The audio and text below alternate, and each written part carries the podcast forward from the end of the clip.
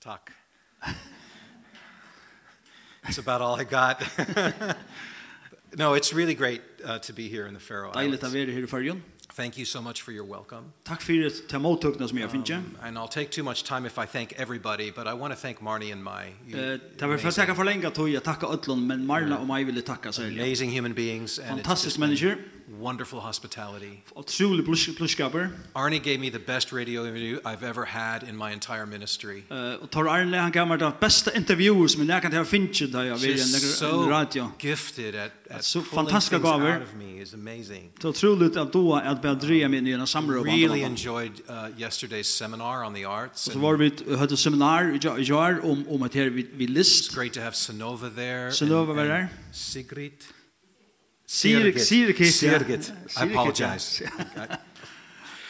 Maybe maybe if I come back I can learn to say these things better. Så kommer jag att kanske kan se en under att. But yes, I am a missionary with OM. Är en tropar vid OM. I'm the least likely person to be a missionary with the Det det mest avhugsande at jeg skulle vara en missionær. And um I I'd like to start with a scripture. Jeg vil gjerne begynne med en skriftbrott. And then I'll tell you all about why I'm the least likely person to be a missionary. Så vill jag vil jeg fortelle den hvor at det er mest osannolikt at jeg skal være tro på OM. Starting in 2 Corinthians 5:17. Så börjar i Ören Korintbrev 5 sejan, det ständer på här. Ja, you read it in Faroese. No, oh, it's in English. But you have to the first one. I läste first one. Eh sejan Om du ein er i Kristus er han nødje skapninger, hitt gamla er færre, det er vår nødt, og alt det er fra gode, som vi Kristus samtidig okkom visse sjolvan og gav okkom tjenest sottaren der. Tog i Kristus samtidig god heimen visse sjolvan og tilrakna heimen ikkje synder tarra, og han hever lagt dyr ui okkom år sottarinnar. Vi er å ta sende på i sted Kristus som til heie være god, og i avmente vi okkom, vi bia i sted Kristusar, vere satt vi god. Han som kjente ikkje synd, gjørte han til synd fyri okkon, fyri av vit og i hånden skulle være rattvise gods. You know, we just sang, you guys sing beautifully together. Det synger fantastiskt flott. Really nice. Fantastisk flott. And we sang a number of songs about that. Vi sungu några sanger om hettar. That we just read here. Det som du akkurat lyser. We talked yesterday about being a new creature in Christ. Vi tar så vi gör med att en ny skapning i Kristus. But that's just the doorway. Men det är bara horen eller porstren till det. And a lot of people just hang out at the doorway for the rest of their Christianity. Som bara stannar här ute i horen. Instead of going into more. Utan för man för långgrun. And even if we do like the song said and we give our all. Och självt vi ger det här som sångaren säger vi ger våra allt. What does that really mean? Vad menar det här vi lägger någon? Am I giving my all in the doorway or am I going to walk through the doorway and give my all on the other side of the doorway? give vi allt ui hur då oj då chi ett lagenche långgrun och ger mot allt långgrunne. And what will that look like? Hur ser det här vi lägger något? I mean, for me, I, I was raised in a broken home. My dad was a rich man. He also had a lot of lovers. He had a lot of mistresses. And he divorced uh, my mom, and it was a horrible situation. She remarried my stepfather. He was violently brutal. Han hon giftest vi uh, med en fosterpappa som var ekvli härlig. And I was physically abused for 11 years by my Han missbrukade höll mig av jag nekvar. I hated God. I hatade Gud. Because God didn't care. The Gud lei ikke anskjøy med. While little boys get beat up by their stepdads. Type right little drunge blue out boka i altså innan fosterpappa. And then their mommies die of cancer. Og mamma sa mamma må dø av av krabba. And then their daddy's an alcoholic. Og papen er alkoholikare. I had bitterness problems. Vi hei verlega verlega trublagar vi vi bastlaga. I had father problems. Vi hei trublagar vi pappa mun, pappa. And when I was 19 years old, I decided to kill myself. Og tað er so nøgja gamal avgerði eg skulu taka mun egna lív. The only reason I'm alive is because of some Christian young people that went into the bars and nightclubs to tell us about Jesus. Og einasta grund til at eg lív er at ung folk far inn og barnar at fortelja øran om Kristus. And they said don't kill yourself, die yourself. Tað sagt ikki drepa sjálvan die to yourself. Dodge til din självan. And that was a new idea. Don't die to myself. Die to, I thought life was all about myself. Og dodge til meg sjálf, Det var nødt til nødt til huske. Jeg, alt løy som er snu, snu som meg sjálf. I mean, isn't life about me and my happiness and my hormones and my music career? Løy vi ikke om meg om og alt mot løy om tonelagen som er. And they're like, how's that working out for you? Og så, og så spurte jeg, hvordan rikker det? Looks like that's getting you dead. Det ser ut som att det förde till att du råd tacka lov i. Of course they were right, but I was so full of pride I didn't want to hear it. Det hade rätt, men jag var så full av stoltläge. Jag hade ju höjrat där. And when they found out that I was suicidal, they were on me like ants on a picnic. Och ta hade hört om det här så var det Amar som ja, I don't know how to translate that. We don't have ants here but som jag vet inte hur man omsätter men det var Amar på ena vägen som flor och en någon en någon last like seagulls on a fish feed or something I don't know. Yeah, yeah. Som, yeah. We, we'll, that, I, I think they got they got the message. Go for the metaphor. Okay. So as you can tell I had some pretty serious issues with Som det skilja så var det verkliga trubbelagar. God, life, father, whatever. God, med själva färgen. And my father drank himself to death when I was 24. I was already a Christian, but there was no opportunity to reconcile with him. Det var Eva blind en tryggvande, men det var ikke mulig å få til som heter et år i et salt, altså at få forholdet til åkken i rettelig. And I found out after he died that he disinherited me. Og ta fann jeg til at han var deier, at han hadde gjort meg arvalesen. And he was worth a lot of money. Og han åtte nekva pengar. And I was only two years old when that happened. Og jeg var bare tve år gammal til han gjorde det. I just wanted to be with my dad. Jeg bare hva som var sammen med pappa min. And this just made the bitterness and the anger even worse. Det bare gjør det at bæskleikene og vreien ble bare større. But my stepfather was still alive. Men, men, men uh, fosterpapen, han var stadigvæk alive. And as I was preparing for to be a pastor in the ministry, God convicted me that I needed to make things right with my stepfather. Og jeg yngste ble pastor, og som, som jeg arbeidde ved tog, så, så visste Gud meg at jeg måtte få forhold forholdet fosterpapen i leie. And so I made a long drive to go see him. Så jeg kort en lengan tur for jeg så jan. Knocked on the door. Benka jeg horna. He opens it up. Han öppnar jo opp. He looks at me. Han hycker på meg og säger. He doesn't recognize me. Kjenner meg slett kjatt. I hadn't seen him since my mom died. Jeg har kjent siden mamma min døy. 11 years had gone by. 11 år var färden. I was 15 when she died and now I'm 26. 15 år gammal var det en dag, nu var det 26. And I've been working out, I've been wrestling in college. Hej hej pumpa ut nu jeg har vært wrestling tar var i skolan. I wasn't packing what I'm packing now. Det sa ikke så läs ut. Yeah, don't laugh, it's rude. And it's flenda, det er ikke pent. And you know, it was intense and he said, "Who are you?" Og det var sint intens da han sier, hvor er du?" And I said, "I'm Bill Drake." Og han svarer, jeg er Bill Drake." And his fear just came over him. Og han ble fullstendig forskrekt. Because he thought I'd showed up to finish the job. Så han helt nu för jag komma lugga som jeg hävnar meg att. And I said no man you don't need to be afraid of me. Og jeg sier, nei, nei, ikke vara bänge for mer. The Lord Jesus has totally changed my life. Herren Jesus har fullkomlig brøtt mitt liv. And he let me in and we had a conversation. Og han bjør bjør meg inn og vi hade en samråd. In the middle of the conversation he said why are you here? Så midt i samrådet spyr han, hvor er du her? Really? Very and I said I'm here to forgive you. Så jeg er her for jeg fyrtjøver her. For the child abuse. For til at du boka meg som bad. Beating my mother. At du boka mamma mine. And my little brothers and sisters. Mine, mine smarre og syskjen. I'm here to offer my forgiveness. Jeg er her for jeg gjeva meg mine fyrtjøving. And he looked at me. Han hukte jo på meg. And he says, well, you kind of were a problem child. Og han sier, ja, du varst nesten et troblaga bad. And he owned none of it. Og han tog ikke ånka arbeid fyrir ned. And what was even more upsetting Og det som verliga, verliga var verre than his response to me verre enn den reaksjonen was how quickly this old familiar rage inside of me wanted to literally kill og så skjøtt sin enger sin vrei vreien innan ui meg og som brøttes og jeg atter ho at gjerra min høvda min noan and it scared me Og jeg ble nok så forskrekket av meg selv. I stood up from his living room and I walked out, I slammed the door and I drove away. Jeg røste meg opp, prøvde den hårene, knalla i hårene atter, og i kortet oss det. 20 years go by. 20 år færre. No email, no phone call, no Ange Christmas email, card, nothing. Ange samråd i telefon, ange, ange jola kort, ange. And then my boss, George Verwer, founder of OM, he gets an offer to do a, uh, an event where my stepfather lives, and I was going there. Og så fær George Verver, som var stjåren som er mulig for jeg lottaka til et tiltak, og i bøyne der pappen min er, og jeg skal være vi. And the Holy Spirit revealed it was time to reconcile with my stepfather again. Og hele anden sier vi, men nå er tog jo på for forhold til atterleie. I didn't want to. Atterleie pappa din, men jeg er ikke til det. But my youngest brother set it up, and I met with my stepfather after 20 men, years. Den yngste badje min syrte for det ble gjørst, og jeg møttes vi fosterpappa min. And as we met together, he just reminded me of how much I hate him. Og tar vi kom og ser man, så mynte han meg og han, hvordan jeg er heta igjen. He said this to me. Han sier vi meg.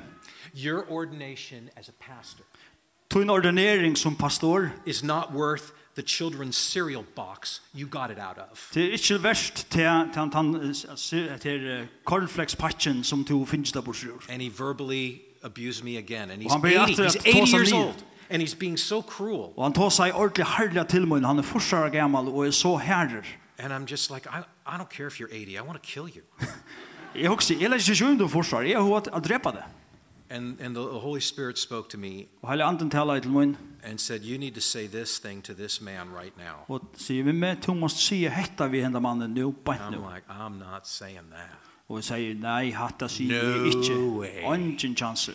And the Holy Spirit said, yes way. Så han And it began no, yes, no, yes. Börjar fram jo, nej, jo, nej. And the argument ended when the Holy Spirit said, how would you like to still be breathing air when this is over? Det enda vi gosse du fram friska luft. Who made your mouth? Hva var det som gjør det? Who gave you life? Hva var det som gav deg liv? Who's the Lord of your life? Hva er i livet? You will not miss now Nu först du inte att att jag lägger allt detta. Why I allowed these things to happen to you. Schalt mig lovde att detta hände vid er. I really hope there's room in your theology. Vanliga att jag tror teologi är rum för. For the God who allows really tough stuff to happen. At det är en god som löver att det händer slukting. But as we just sang, he also pays for it. Men så vil eisen sunko, så betaler han eisen prysen for det. With his own blood. Vid sin ekna blåa. And so I looked at my stepfather and I said, I've got something I need to say. Så jeg hukte på fastepappan og sier vi han, jeg har nekka som jeg må sier vitte. Thank you for those music lessons you got me when I was 5 years old. Takk for at du gav meg tonelaga undervisning när jeg var fem år gammal. I've done extremely well musically. Jag var klar med väl tonlagalia. 13 CDs, world music. 13 CDR och jag har spalt i Radlandheim. Thanks for investing in my brain and reading me C.S. Lewis, teaching me how to play chess, all that stuff. Tack för att du har läst för mig C.S. Lewis att vi då kunde spela tälva samman. Done really well academically. Och akademiskt har vi klarat mig väl. And he got a tear in his eye and he said, and he said, thank you, thank you. Man sier takk for det. Because he had never heard me say a nice thing to him in his life. Han er omgang i hørt med sagt noe pent vi ser i luven hon. And the Holy Spirit spoke to And the Holy Spirit said, that was really nice, Bill, but that's not what I told you to say. Så säger Heilige Anden, att det var pent sagt, men det var ikke det som er bedre att. Don't don't help the Holy Spirit. Ikki by heila andan with your little ideas. Vi tøyna lut smá hugskotan. He he doesn't need your help. Han er brúk for you. He needs our obedience. Han er brúk for lutna. I was trying to take a shortcut. It looks on for and and and genvai so short yeah. So he gently reminded me that I still needed to be breathing air when the meeting so was over. So myndi mig atra eg har brúk for at anta friska luft. So I said Roger I have something else I need to say. So see vi and Roger, hennag anni må sjá vitte. Now he gets defensive. Nu blir han lukka som för i forsvær. Yeah, I know. I'm a child abuser. Jeg vet, jeg boka i bøt. I know I beat your mom. Jeg vet at jeg boka i mamma dina. He didn't say it, but it was on his face. Det säger han ikke harskt, men man sa det åt honom. I says, no, I'm not here to accuse you. Så nei, jeg er ikke her for å akkara det. I need to ask you. Jag jag må ha bruk for det jeg spyrir til To forgive me. Att fyrtjö mig. Because I hate you. Du er hatt det. And I've spent my whole life hating you. Og jeg har brukt alt mitt liv på at hata det. I've disrespected you. Jeg har vært jeg har vært vanvirste. I've cursed you. Jeg har banna imot deg. I've wronged you. Jeg har just skrevet ting imot deg. I wanted to murder you. Jeg har hva drepa det. Will you forgive me? Vil du fyrtjøve meg? I've sinned against you. Jeg har synda imot deg.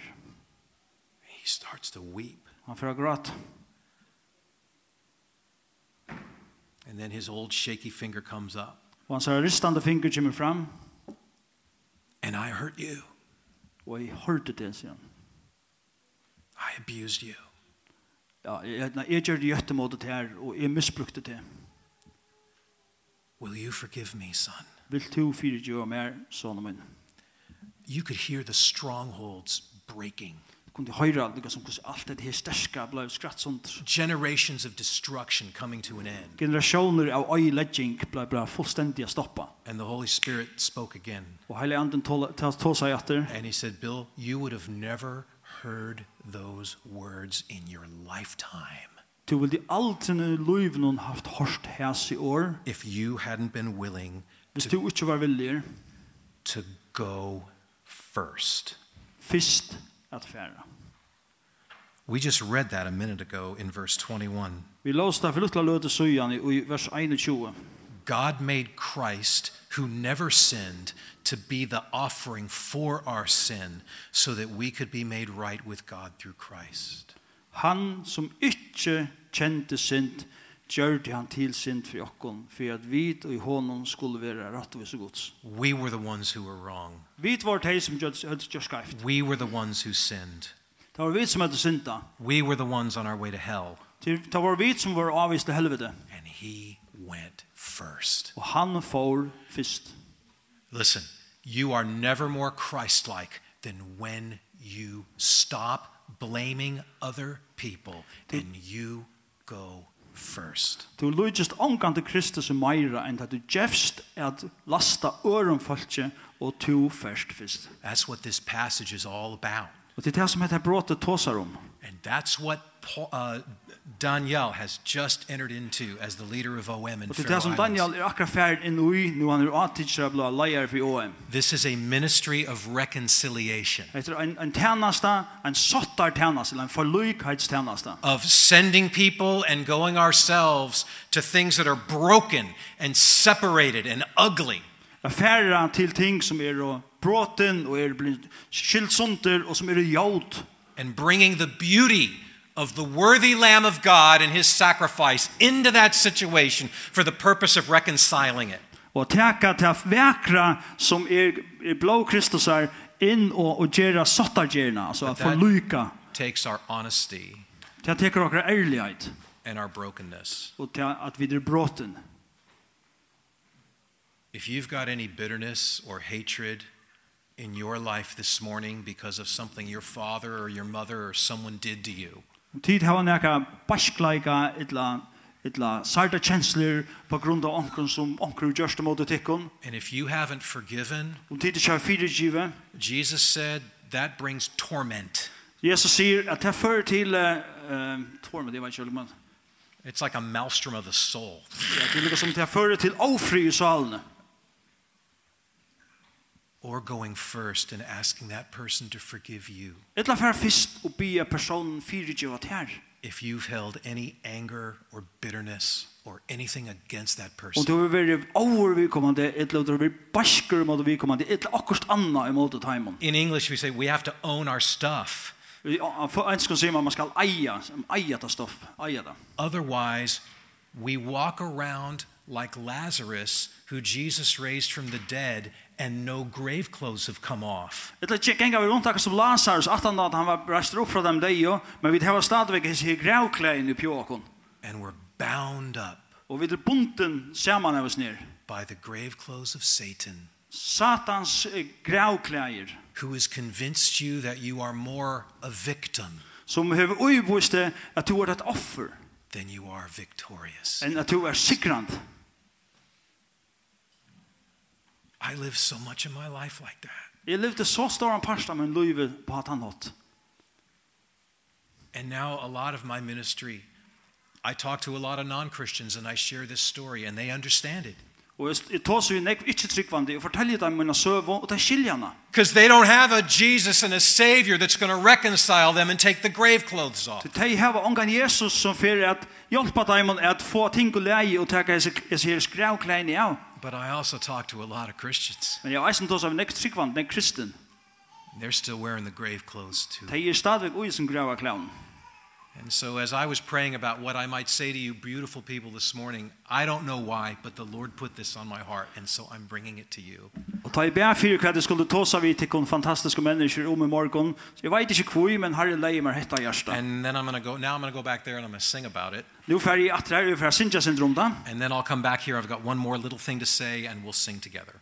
Og så kom jag åter jag också lutade sig att rätt og så får vi at synge atter sammen. But this is my testimony. Hade min vittnesbord. God has taken a wrecked, bitter, suicidal mess.